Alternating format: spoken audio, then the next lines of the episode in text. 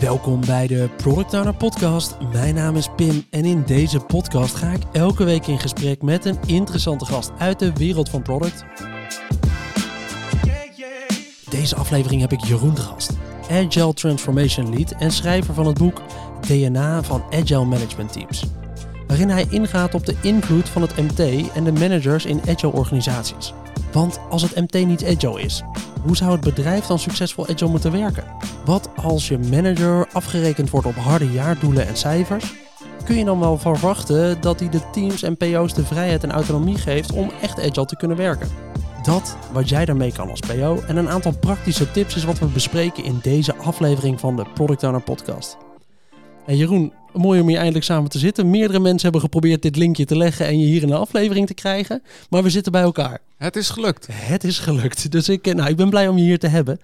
Hey, al die agile transformaties, al die PO's die zitten, die hebben ermee te maken. Wat hebben die nou vaak gemeen, die agile transformaties? Wat gebeurt er nou? Uh, ja, die agile transformaties hebben als uh, gemeen dat ze gewoon starten. Ja. En uh, ja, dat kan uh, klein beginnen ergens begint één teampje en dat werkt uh, hartstikke leuk. Um, of het begint van bovenaf. Dit is wel een heel goed idee. Want ja, wie is er tegen? Sneller, beter, leuker, goedkoper, veiliger en allemaal van die mooie R-woorden aan het einde. En uh, dan zegt het management, dat gaat iedereen even doen. Ja, en wat is dan ook weer de gemene deler in het feit wat er vaak misgaat? Uh, wat er vaak misgaat is, nou ja, de eerste periode gaat wel. Hè? Oh, leuke, mooie resultaten. En dan begint het op een gegeven moment moeilijk te worden. Want er zijn namelijk allerlei organisaties, systemische dingen die uh, gebeuren. Ja. En de vraag is wat je dan gaat doen. En dan wordt er meestal gezegd, oh ja, dit is wel een heel duur project aan het worden. Het woord project, transformatie. Ja. En na anderhalf jaar, we stoppen ermee. Alsof je klaar met een tra agile transformatie gaat. Ja. Ja, consultants zijn de deur uitgeschopt en uh, nu is het geïmplementeerd en uh, nu werkt het toch gewoon? Dat. Ja, dat of organisaties zeggen wij willen juist geen consultants, wij ja. doen het alleen met eigen mensen. En na anderhalf jaar zijn ze nog niet zoveel opgeschoten. Ik ja. ben niet voor of tegen consultants. Nee. Uh, een paar helpt wel om te versnellen. Ja. Maar doe het vooral veel met eigen mensen. Ja, precies. En uiteindelijk gaat het meer om hoe je het in die hele organisatie weet te borgen. Qua cultuur en uh, aanpassing, dan dat het gaat om uh, hoe hard je het aan de voorkant kan vertellen. Borgen is het toverwoord. Nou, wat mooi. Nou, ik vind het leuk. We gaan er vandaag even op in. Ik was wel getriggerd door uh, waar, jij, uh, waar je mee bezig bent. Want uh, toen we voor de eerst met elkaar spraken, toen had je het over ja, die MT-teams. En ja, die werken eigenlijk nog op een hele andere manier. Toen dacht ik, ja, dat zie ik inderdaad eigenlijk binnen elke organisatie die ik weer tegenkom. Wat maakt dit voor jou nou een onderwerp waar je enthousiast over bent? Uh, ja, sommige mensen zeggen tegen mij: waarom haal je hier energie uit? Ja, juist omdat ik geloof dat MT's de cruciale factor zijn of een transformatie slaagt of niet. Ja. En het is misschien een moeilijke weg, maar het resultaat is uh, gigantisch als het uh, wel lukt. Ja. En dus dat probeer ik neer te zetten. En wat maakt dit dan een onderwerp genoeg dat je er zelfs een boek over kan schrijven? Want ja, kom op, het zijn wat teams en uh, wat, wat moeten die MT's nou even anders begrijpen? Kun je daar een heel boek over schrijven? Ja, laat ik eerst beginnen met de rol van uh, manager. Ja. Nou, je begon uh, afgelopen 40 jaar uh, te werken. Dan werd je steeds meer senior. En wilde je carrière maken, dan moest je manager worden. Ja. Dus dat weet je dan. Je kwam in een MT, je zag links iemand nog steeds heel hard op de inhoud sturen. KPI's, veel mails besturen. Je keek rechts van je in het MT. Dan zag je iemand dat ook doen. Oh, dat was het kennelijk. Ja. Dus, nou ja, um, zo werden MT's groot. En uh, groeide je door en werd je nog meer manager. Je moest vooral heel goed sturen en je KPI's beheersen. En in een agile organisatie is dat heel anders geworden. En de reden om dit boek te schrijven is dat ik dat nergens kon vinden. Scrum zegt er niks over, die schrijft alleen Teams. Les, Nexus en Safe zeggen er allemaal niks over of ze zitten op een, een bounty island. Ja. Het bestaat niet meer. Maar dat doet geen recht aan hoe moeilijk die positie is in een agile organisatie, want het wordt echt met het kwadraat moeilijker. En het doet ook geen recht aan die mensen die daar qua goede wil in zitten, want ze zitten, MT-leden zijn er niet om de hele organisatie te frustreren. Ja. Ah. Dat is wel even, ja, dat is wel de blik die je er een beetje bij moet pakken. Welke ervaring heeft jou geholpen om hier wat zinnigs over te kunnen zeggen? Wat heb je nou gezien in de afgelopen jaren, waardoor je denkt, nou, ja, hier zit het gewoon? Ehm, eerste instantie hele uh, grote projectenprogramma's geleid en daardoor de rol van managers MT's uh, goed leren begrijpen. Daarna transformaties gedaan, uh, eerst lean en toen agile. En nou ja, toen zag ik dus elke keer van, hey, die rol van MT's, die, die is cruciaal. En dat je niet na anderhalf jaar zegt, we stoppen ermee. Dus die slag moet gemaakt worden. En, en daar uiteindelijk mijn specialisatie in gemaakt omdat eigenlijk niemand dat of durft aan te raken of dat gesprek aan te gaan. Het vraagt een andere aanpak dan dat je teams begeleidt. Heb je een voorbeeldje van waar het wel goed gedaan wordt? Dat zijn vaak organisaties, delen in organisaties. Um, het is mooi als het, um, de boord het goede gedrag vertoont, maar soms gaat het in lagen daaronder weer mis. Ik zie vaak MT's op zichzelf heel goed voorbeeldgedrag vertonen. En die MT's, die, dan zie je die hele organisatie opengaan als een soort bloem. En dan zie je in dat onderdeel. En, en dan begint de rest te vragen: hey, wat doen jullie anders? Want jullie medewerkstevredenheid groeit opeens. Ik hoor allemaal goede verhalen. Jullie leveren zo goed. En dan zie je de andere afdeling dat ook gaan doen. Maar daarmee komt ook de moeilijkheid want daar wordt dan niet dezelfde aanpak gehouden. Of die managers vinden dat eigenlijk veel moeilijker dan de eenheid waar het wel goed gaat.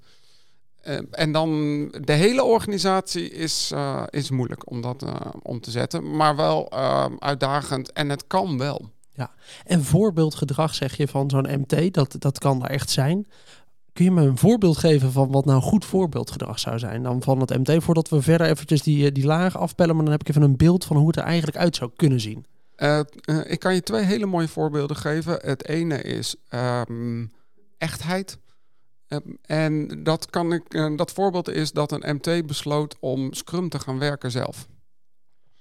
En ze zaten in hun eerste maand, ze gingen maandsprints doen. En aan het eind van de maand hadden ze niks af. Want hun werk um, hadden ze niet goed gerefined. Het was allemaal veel moeilijker dan ze dachten.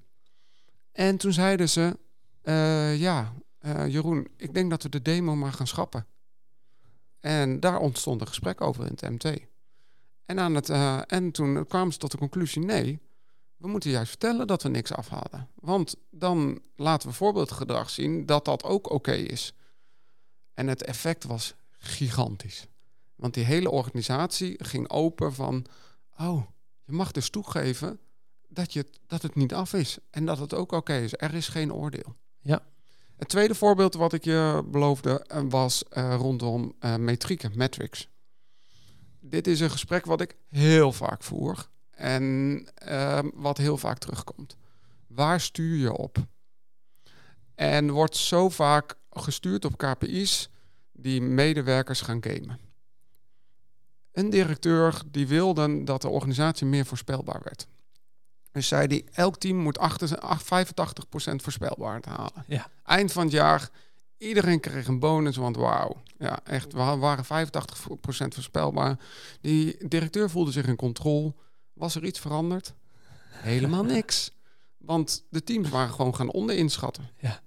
Dus die mindset bij Matrix is een van de grote dingen die ik um, moet veranderen bij managers. Dat blik erop. Maar wat wil je bereiken? Gaat het om een effort, een output of een outcome metrics? Stuur op outcome metrics en niet op output. Ja, en dat is lastig voor veel mensen om te sturen op outcome, want dat is veel minder vatbaar. Het output is, kun je heel goed meten. Ja, ja, ja dat ook... voelt heel fijn. En dan heb je gevoel dat je een bijdrage hebt geleverd. Um, maar ja, als je dat niet met de goede mindset doet, ja, dan gaan mensen gewoon, uh, gaan die mensen gewoon, ja, u wilt nu links? Ja, prima. En dat, dat hoor ik heel vaak. Dan kom, dan kom ik bij die teams en dan zeggen ze, ja Jeroen, we moeten dit jaar weer naar links en volgend jaar moeten we weer naar rechts. Prima, zeg maar hoe ik mijn uren dit jaar moet boeken, want dan, uh, uh, dan is de organisatie ook weer tevreden. Doet me trouwens denken aan een mooi voorbeeld van een uh, developer die ik een keertje in een team had. Die vertelde dat hij een oude PO op een gegeven moment ooit een PO had gehad. En die zat ook een beetje te zaniken op het aantal story points wat ze afkregen in de sprint. Nee, we moeten meer werk afkrijgen, want uh, dat, is, dat is belangrijk. En die hebben gewoon één sprint lang alle stories aangepast en met de, met de refinements gewoon alles geschat met een nul erachter. Dus oh nee, maar dit is 10 punten deze. Ook al past het niet in het standaard model. En uiteindelijk stond er daardoor in Jira stond er dat ze in één sprint 150 punten hadden afgewerkt. Ja, vanaf dat moment wist die PO eigenlijk ook wel dat het geen zin had om op zijn, uh, zijn team wat uh, te katten dat ze meer punten moesten afmaken. Story points uitlijnen tussen teams, dat is echt. Dan misbruik je dus weer het idee ja. dat inschatten is heel goed. Maar dat is een relatieve teamwaarde. Laat dat team dat lekker doen. Ja, waarom wil je dat omhoog krijgen? Want dan krijg je gewoon verkeerd gedrag. Dat werkt gewoon niet. Mooi. Kun je me meenemen in een aantal herkenbare scenario's voor luisteraars? Ik kan me voorstellen dat er nu PO's luisteren, maar ook leads van uh, PO's of mensen die uh, misschien ergens een, een, managementfunctie hebben. Die denken, ja, maar hoe ziet, dat, ziet dit er dan uit in organisaties? Hoe ontstaat zo'n transformatie nou? En wat zou ik daarvan kunnen herkennen waar het fout of waar het juist goed gaat? En nou, de twee scenario's die schets ik net al, is uh, vaak uh, top-down of bottom-up. Ja. Waarbij eerst één team begint, dan een aantal teams beginnen. En um, uiteindelijk uh, wil je dan dat breder neer gaan zetten. En de top-down is een MT, een directie die roept... wij moeten met z'n allen die omslag maken en dat gaan we doen via Scrum. En alle teams moeten gaan scrummen. Ah, um, en beide gevallen creëert ergens een weerstand. En, en beide zijn even snel of even langzaam. Oké, dus de twee scenario's die eigenlijk voorkomen. Je zegt een, een bottom-up. Dat betekent dat je eigenlijk als team ergens in je organisatie zegt... joh, wij gaan een beetje onze werkwijze aanpassen. Wij gaan uh, Scrum werken. En dat gaan we proberen wat breder in de organisatie te dragen. Andere kant is uh, top-down. Dan zien eigenlijk, uh, ziet het MT ergens op een congres. Oh, we werken nog steeds niet agile. Oké, wij gaan dat nu pushen en we gaan het gewoon door die organisatie heen dragen. En dan krijgt hij weerstand in beide teams, want die teams herkennen dat niet. Ja. En weerstand is ook een woord wat ik eigenlijk niet geloof. Ja. Um, want ja, waarom is er weerstand? ga met mensen in gesprek. En, en dan weerstand bestaat eigenlijk niet als je met mensen hebt van hey, hoe kunnen we jouw werkwijze beter maken? Ja. Ah, kijk. Als we eventjes inzoomen op dat MT, want daar ligt jouw jouw focus ook echt onder andere met het boek. Hoe zou een MT nou agile moeten werken? Kun je me daarin meenemen? Wat moet je dan veranderen in je werkwijze?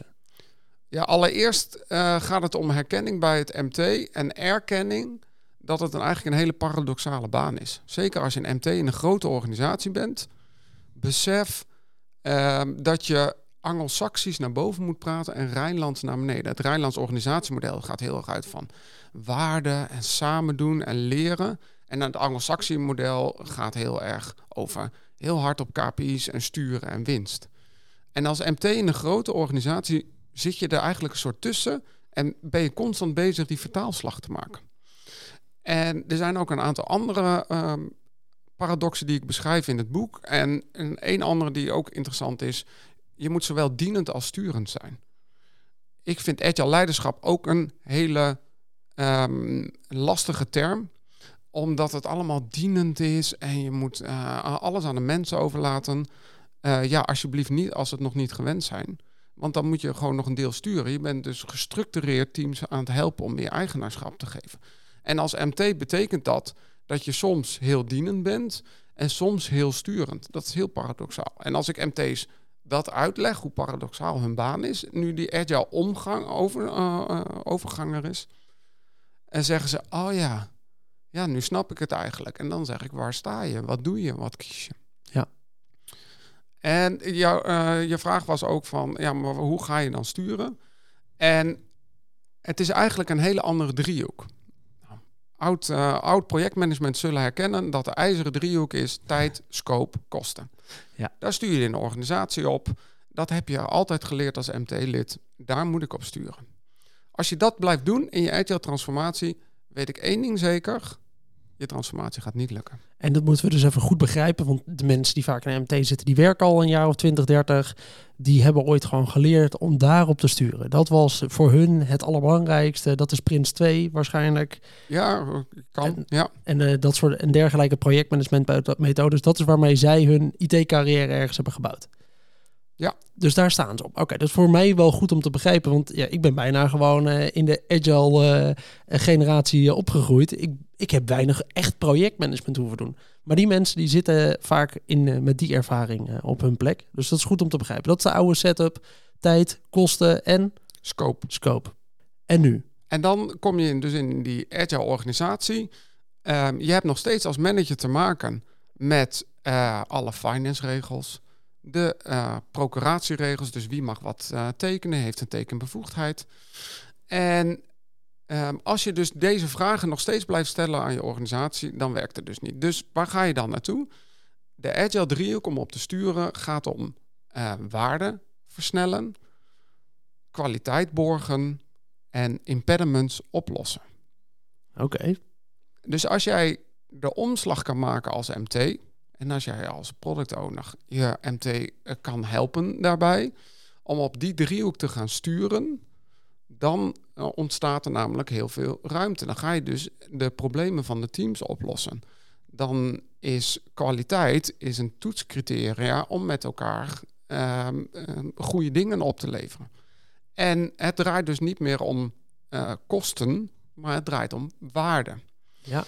En daarbij is het belangrijk om te realiseren dat je niet alleen eh, die nieuwe driehoek kan managen. Die oude driehoek is er nog steeds. Want die oude organisatie, zeker bij eh, mensen die in grote organisaties zitten, die is er nog steeds. Er zijn, wat ik al zei, nog steeds de finance regels. Er zijn nog steeds allemaal regels en procedures en jaarplannen. Ja. Dus de vraag die ik altijd aan MT stel is: hoeveel van je tijd zit je links te managen in de oude driehoek en hoeveel tijd zit je rechts in die nieuwe driehoek? Nou, dan zie je dat het eigenlijk 90-10 is. En dan zeg ik maar, wat zou je willen? En dan zeg je, ja, we willen naar die nieuwe kant toe. Oké, hoe gaan we dat dan realiseren? En Ja. dan zeggen ze tegen mij, ja, maar Jeroen, ik ben al zo druk. Kijk eens naar mijn agenda. Dan zeg ik, oké, maar waar gaan we dan mee stoppen? Ja. Want dan ontstaat er ruimte. En welke dingen aan de, eh, die nu vol zitten met die linkdruk kan je stoppen, waardoor je dus dingen aan die rechterkant kan doen. Juist. Als we nou eens inzoomen op die, eh, op die rechterdriehoek. Want je moet denk ik best een hoop veranderen om als MT te kunnen sturen inderdaad op waarde, kwaliteit en impediments. Hoe kun je, als we nou eens even die drie punten langs gaan. eh, hoe kun je nou sturen op waarde? Wat moet je dan veranderen? Als je gaat sturen op waarden, een challenge je je PO-organisatie. Welke waarden zijn we nou aan het eh, leveren? Waar is de klant? Als je in elk gesprek wat je hebt, heb je het over de klant. Wat merkt de klant hiervan? Dus je stapt af van de efficiënte organisatie. Ja. Ehm, nee, we moeten efficiëntie vergroten. Nee, wat is waarde? eh, waar, wat heeft onze klant hieraan? En ehm, er zijn verschillende soorten waarden. Dus dat is weer een hele andere discussie. Ik denk dat we die hier niet moeten doen. Ja. Eh, de eh, maar het kan dus ook zijn, wet en regelgeving is ook waarde. Ja. Maar vooral waardedenken vergroten in je organisatie. Juist. Oké. Dan ga je sturen op kwaliteit. Kwaliteit is misschien wel het meest onmeetbare wat er is.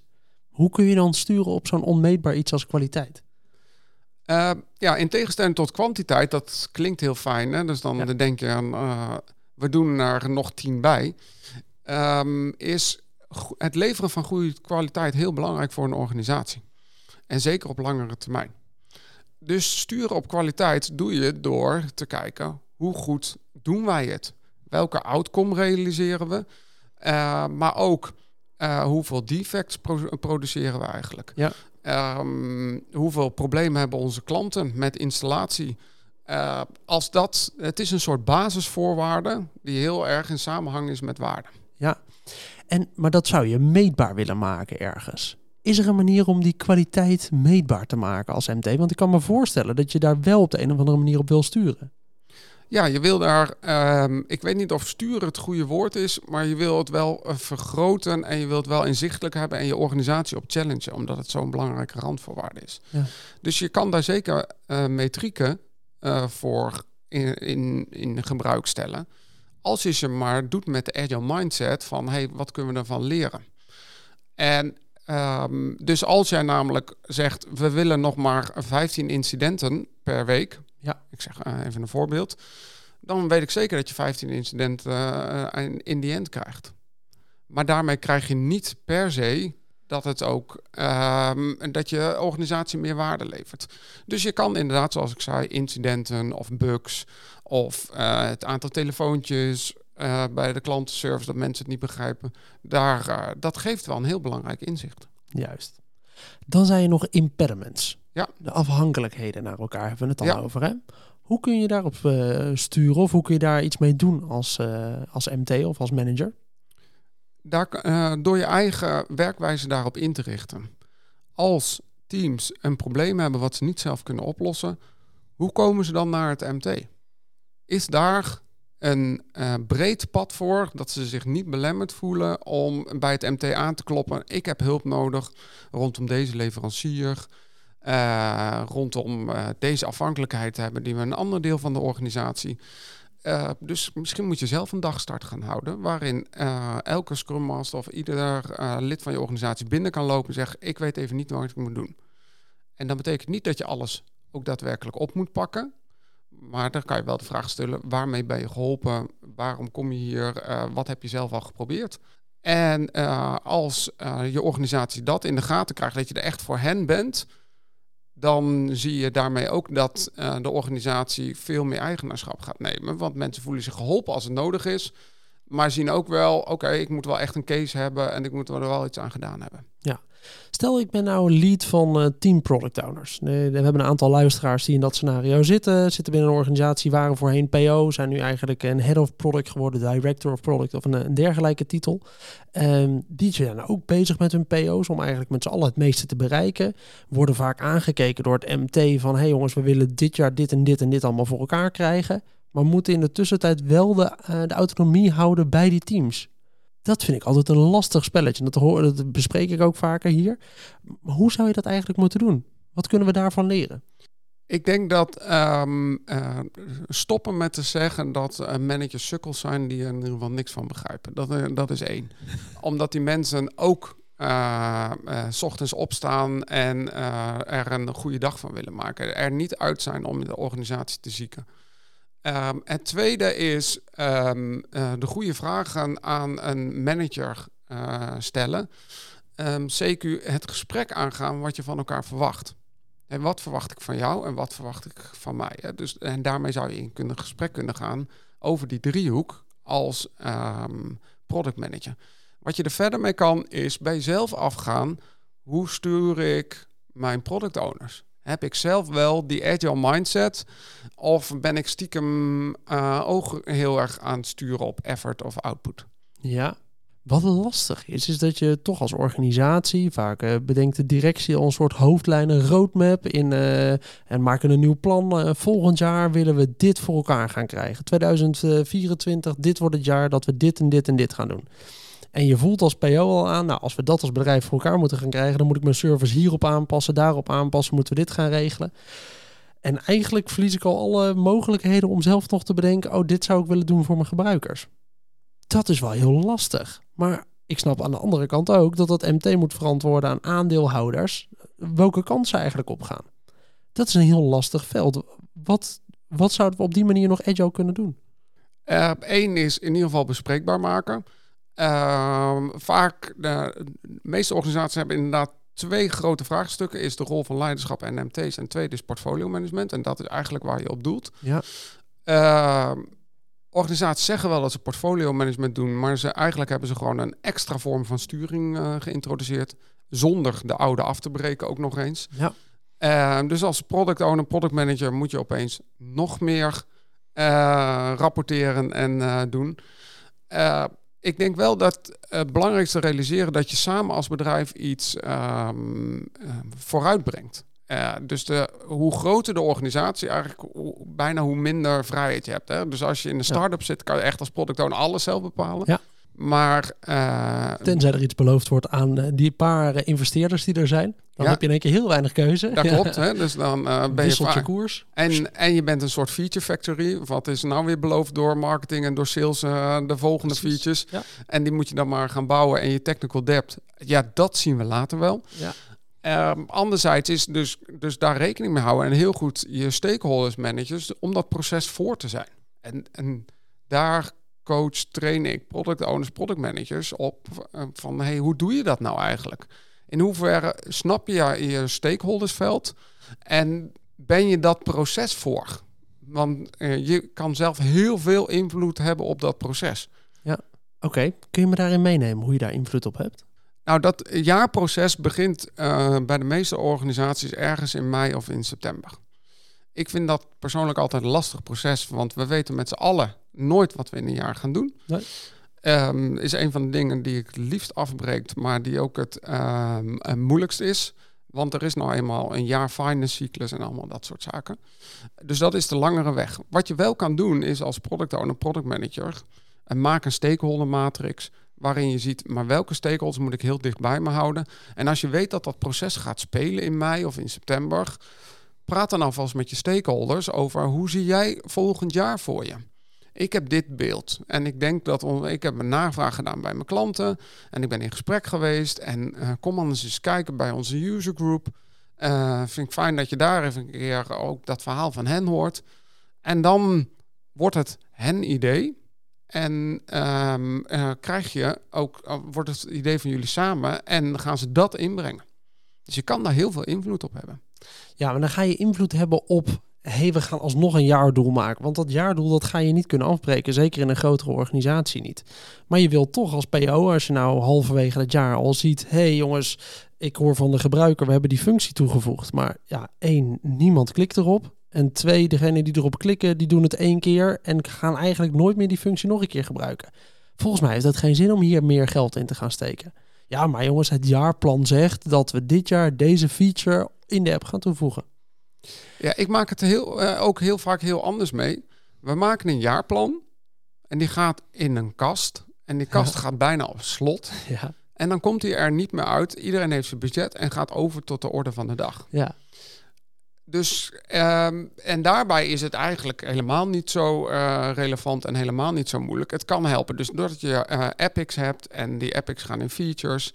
Ehm, en dan kan je langzamerhand gaan sturen op die epics. En die kan je dan ook weer opnieuw ordenen. ja.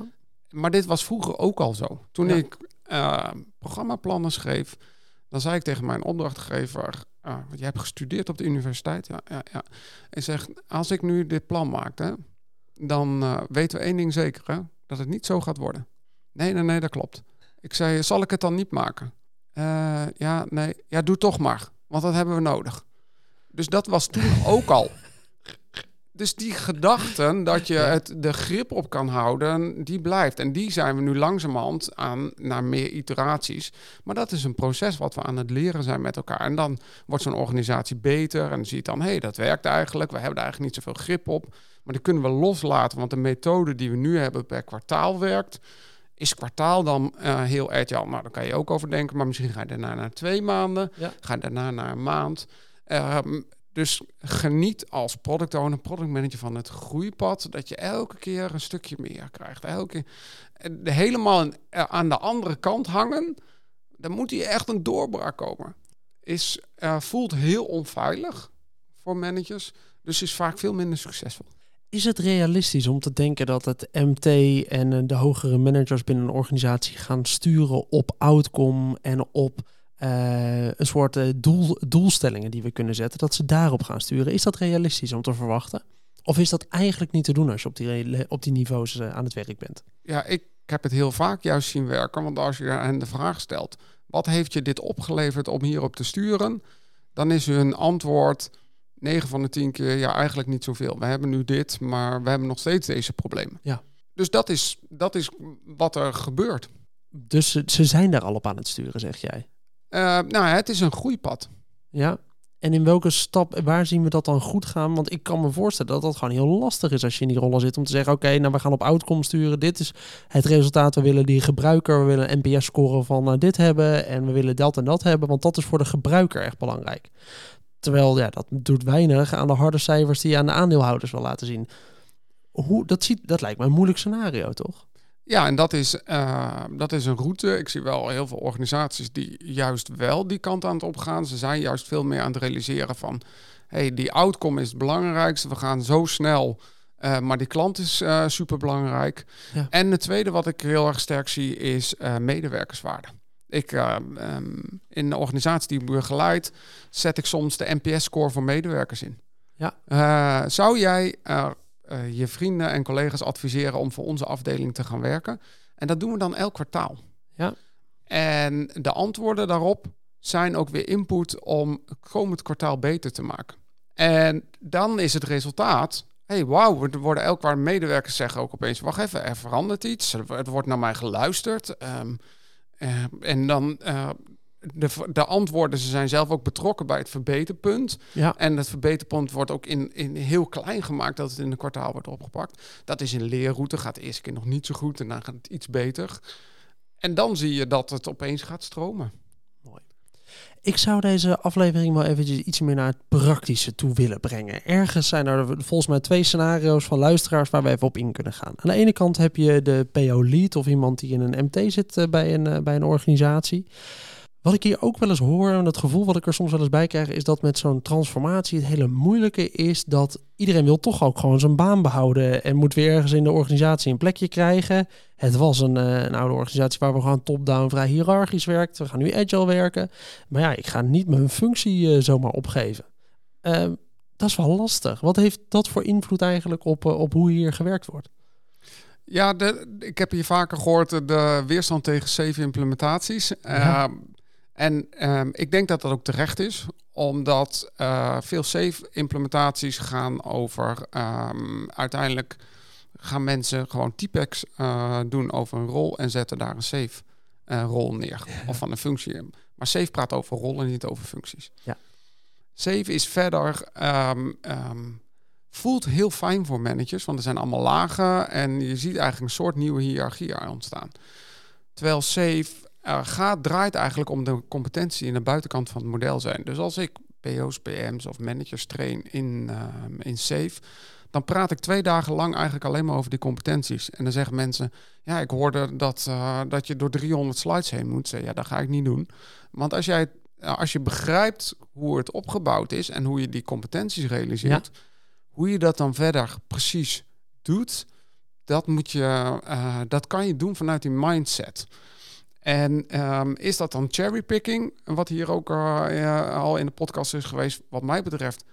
Uh, ja en nee. Um, nee, in de zin van, voorbeeld geef ik even pannenkoeken bakken. Als jij pannenkoeken wil bakken en ehm, je vindt de eieren op dit moment wel erg aan de prijs, dus laat je eruit. En je hebt geen bloem in huis dus je gebruikt havermout en zegt dan de pannenkoeken zijn niet te eten. Nee, natuurlijk niet. Want het is een recept, het is een samenhangend geheel. Ja. Dat gezegd hebbende, als jij met elkaar besluit van ja, wij ehm, ehm, moeten nu op deze manier werken, Scrum. Maar dat werkt eigenlijk niet, want we zijn functioneel beheersteams. We doen Scrumban. Be my guest. Maar een van de dingen die ik eigenlijk nooit onderhandelbaar vind, is een retrospectief. Nee. Want de agile gedachtegoed is zo erg ingericht op leren, reflecteren. Het gaat zo snel, het team staat centraal. Ja, dat past niet in de mindset nog van agile, nog van Scrum, nog van Safe. Nee. Uh, dus cherrypicking heeft een limiet. Nee, absoluut. Ik, uh, ik, ga, ik val altijd dan terug op de uits, uh, uitspraak van Tony, die altijd is: uh, heb je geen tijd om een retrospectief te plannen, plan er dan twee. Ja, dat is wel even de essentie. Precies. En, en jouw vraag was natuurlijk: hey, de managers die hebben type, typex om een functie gedaan en hebben daar zo'n HR-rol in aangenomen. ja, dat gebeurt. En als daar niet op gecoacht is, als die implementatie niet op de goede manier is gedaan, dan uh, zie je dat, uh, ja, dat, dat ze denken, oh, wacht even, nou ja, ik ben nu Epic owner. En mijn eerste vraag is dan altijd, oké, okay, besef je hoe groot die baan is? Dat is niet dat jij even bepaalt wat er gebeurt en dan de rest over hebt. Dat is gewoon kei en keihard werken om zo'n Epic ook daadwerkelijk te realiseren in je organisatie. Ja, maar daar heb ik geen tijd voor. Ik zeg, ja, maar dan ben je geen Epic owner. Ehm, dus uh, safe uh, wordt veel misbruikt daarin. En de coaching op die rol Maar Safe zegt, ja, het dual operating model, maar heeft het niks over de, de, de, de hiërarchielaag. Ja. Uh, en daar komt het weer bij elkaar. Nou, daar probeer ik met het boek meer, um, uh, meer uitleg over te geven. In de kern is het managers die zitten er ook weer, en dat herhaal ik dan maar, uh, niet om de boel te verkloten. Maar willen ook een soort van waarde toevoegen, maar weten eigenlijk niet zo goed hoe ze dat moeten doen. En ik denk dat je daar als product owner, product manager, ze daar echt bij kan helpen. Kijk, volgens mij is dat nog wel een leuk om even op in te gaan. Namelijk, ja, je zit hier te luisteren als PO. Wat ik hier vaak hoor is dat PO's, zeker in corporates, uh, veel van hun autonomie verliezen, weinig mandaat hebben over hun eigen product. En nou ja, vaak is dat gewoon omdat ze met z'n allen iets voor elkaar moeten krijgen. Is er nou een manier waarmee je eigenlijk als PO of product manager kan helpen om dit beter te doen? Ja, een leuk voorbeeld daarbij is uh, als jij een één uh, op één en uh, zo een mooi woord bila hebt met de manager als product owner, product manager en dat heb je dan wekelijks, um, dan stop daarmee. Want de manager is gewend om op inhoud te sturen, zo heeft hij carrière gemaakt. Dus hij gaat daarbij bij op inhoud sturen. En Afgelopen week had ik een, uh, een uh, bijeenkomst, daar mocht ik spreken voor 100 managers.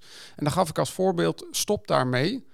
Um, ergens in een halve bijzin en heel veel mensen zeiden, oh ja, dat ga ik doen. Want dan creëer ik zoveel ruimte in mijn agenda. ja. En dan zeg ik, oké, ga dan één keer in de maand twee uur met, met jouw mensen lopen, wandelen. Want dan ga je, ga je kijken naar hey, waar sta je nu, hoe voel je je nu, hoe gaat het met je werkdruk, waar, waar, uh, welke challenges loop je aan.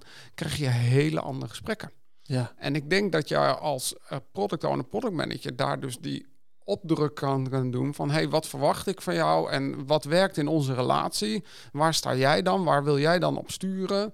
Wat wil jij van mij weten dat je comfortabel voelt? En dan ga je langzamerhand uh, die kaders uh, verruimen met elkaar. Kijk, die, uh, volgens mij is dat er eentje waar, waar veel mensen iets mee kunnen. Um, inderdaad, ja, ook een wel belangrijke uh, is ja, als jouw mensen in je team uh, standaard bila's hebben met de, met de PO. En, bijvoorbeeld, dat zie ik ook nog wel eens voorbij komen trouwens, dat, dat de PO met zijn developers of met een business analyst ook bila's heeft. Ja, ook dan waak ervoor dat je niet gaat sturen op een soort micromanagement manier op wat nou hun output is. Nee, zij zijn de slimme mensen in ieder geval. Dat is altijd mijn gevoel. Ga samen naar die uitkomst kijken waar je, waar je met z'n allen iets wil bereiken. En waar je ja, ben je dus als PO bezig om ook, kijk je ook echt naar een team of naar individuen. Ja. Uh, dat ligt ook aan hoe je refinement uh, inricht.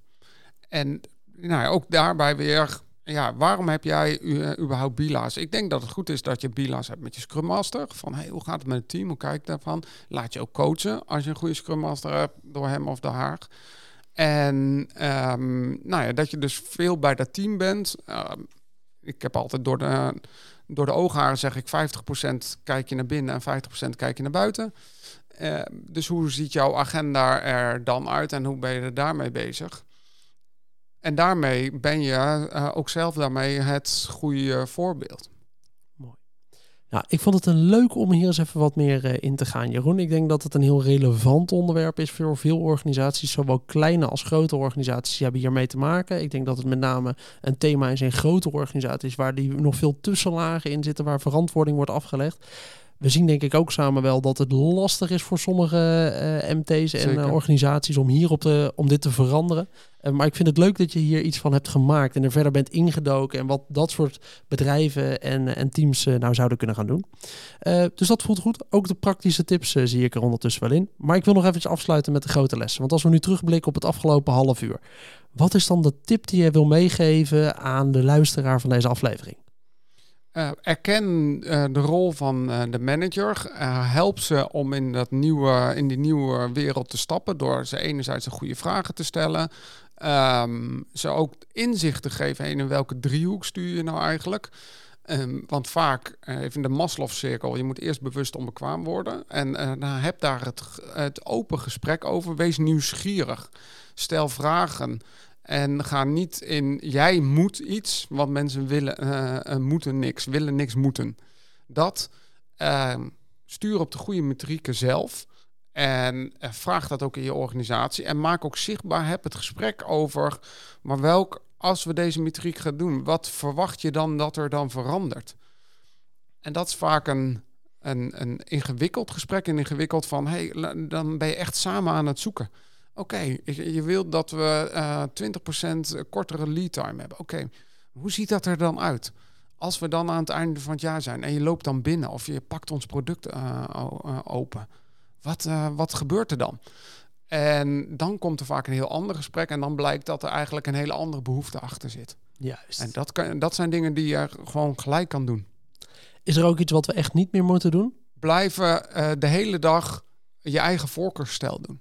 Dus, en, dat geldt ook eigenlijk voor uh, leidende rollen als een product manager. Je hebt, ieder mens heeft een uh, voorkeursstijl. En um, kijk, agile leiderschap stuurt heel erg op dienend leiderschap. Maar je hebt eigenlijk ook andere leiderschapsstijlen in inspiratief leiderschap, um, heel besluitvaardig leiderschap, eigenlijk dat rode leiderschap. Uh, en het beheersmatige leiderschap, hè, dat meer aan de blauwe kant. Besef je als je ergens ingaat, wat is er nu nodig? En daar kan je gelijk mee beginnen door daarover na te denken. Moet ik nu bij mijn team, bij als PO, als product manager, moet ik nu even zeggen: hey jongens, wat zegt de data nou? Want leuk dat wij het heel gezellig vinden met elkaar, maar onze klanten, uh, de uptime is aan het uh, uh, groeien, nadelig aan het groeien. En, en, de volgende keer ben je heel erg het lonkend perspectief en de why en hier gaan we naartoe. Dus besef je waar je, welke stijl je wanneer inzet. Mooi. Top. Ik voel hem wel. Volgens mij was dit een mooie afsluiter van, van deze aflevering. Als mensen hier nou vragen over hebben, over dit onderwerp, kunnen ze dan een bericht sturen via LinkedIn? Zeker. Leuk om altijd om over door te praten. Kijk, en daar kunnen ze ook een linkje vinden naar het boek, verwacht ik? Uh, daar kunnen ze een linkje of op jeroenstoter.nl. Daar uh, vind je meer informatie en uh, kan je het boek bestellen. Kijk, Jeroen Stoter op LinkedIn. Stel hem vooral nog eventjes je vragen als je die hebt naar deze aflevering. Dan wil ik iedereen weer bedanken voor het luisteren naar deze aflevering van de Product Owner Podcast. Vond je dit nou een leuke aflevering? Vergeet dan niet om onze podcast een review te geven in je favoriete podcast app. Heb je nog vragen of opmerkingen voor mij? Stuur me dan vooral een berichtje via LinkedIn, dat is Pim Pot, of op pim.productowner.nl. En dan hoop ik dat je de volgende keer weer luistert. Tot dan!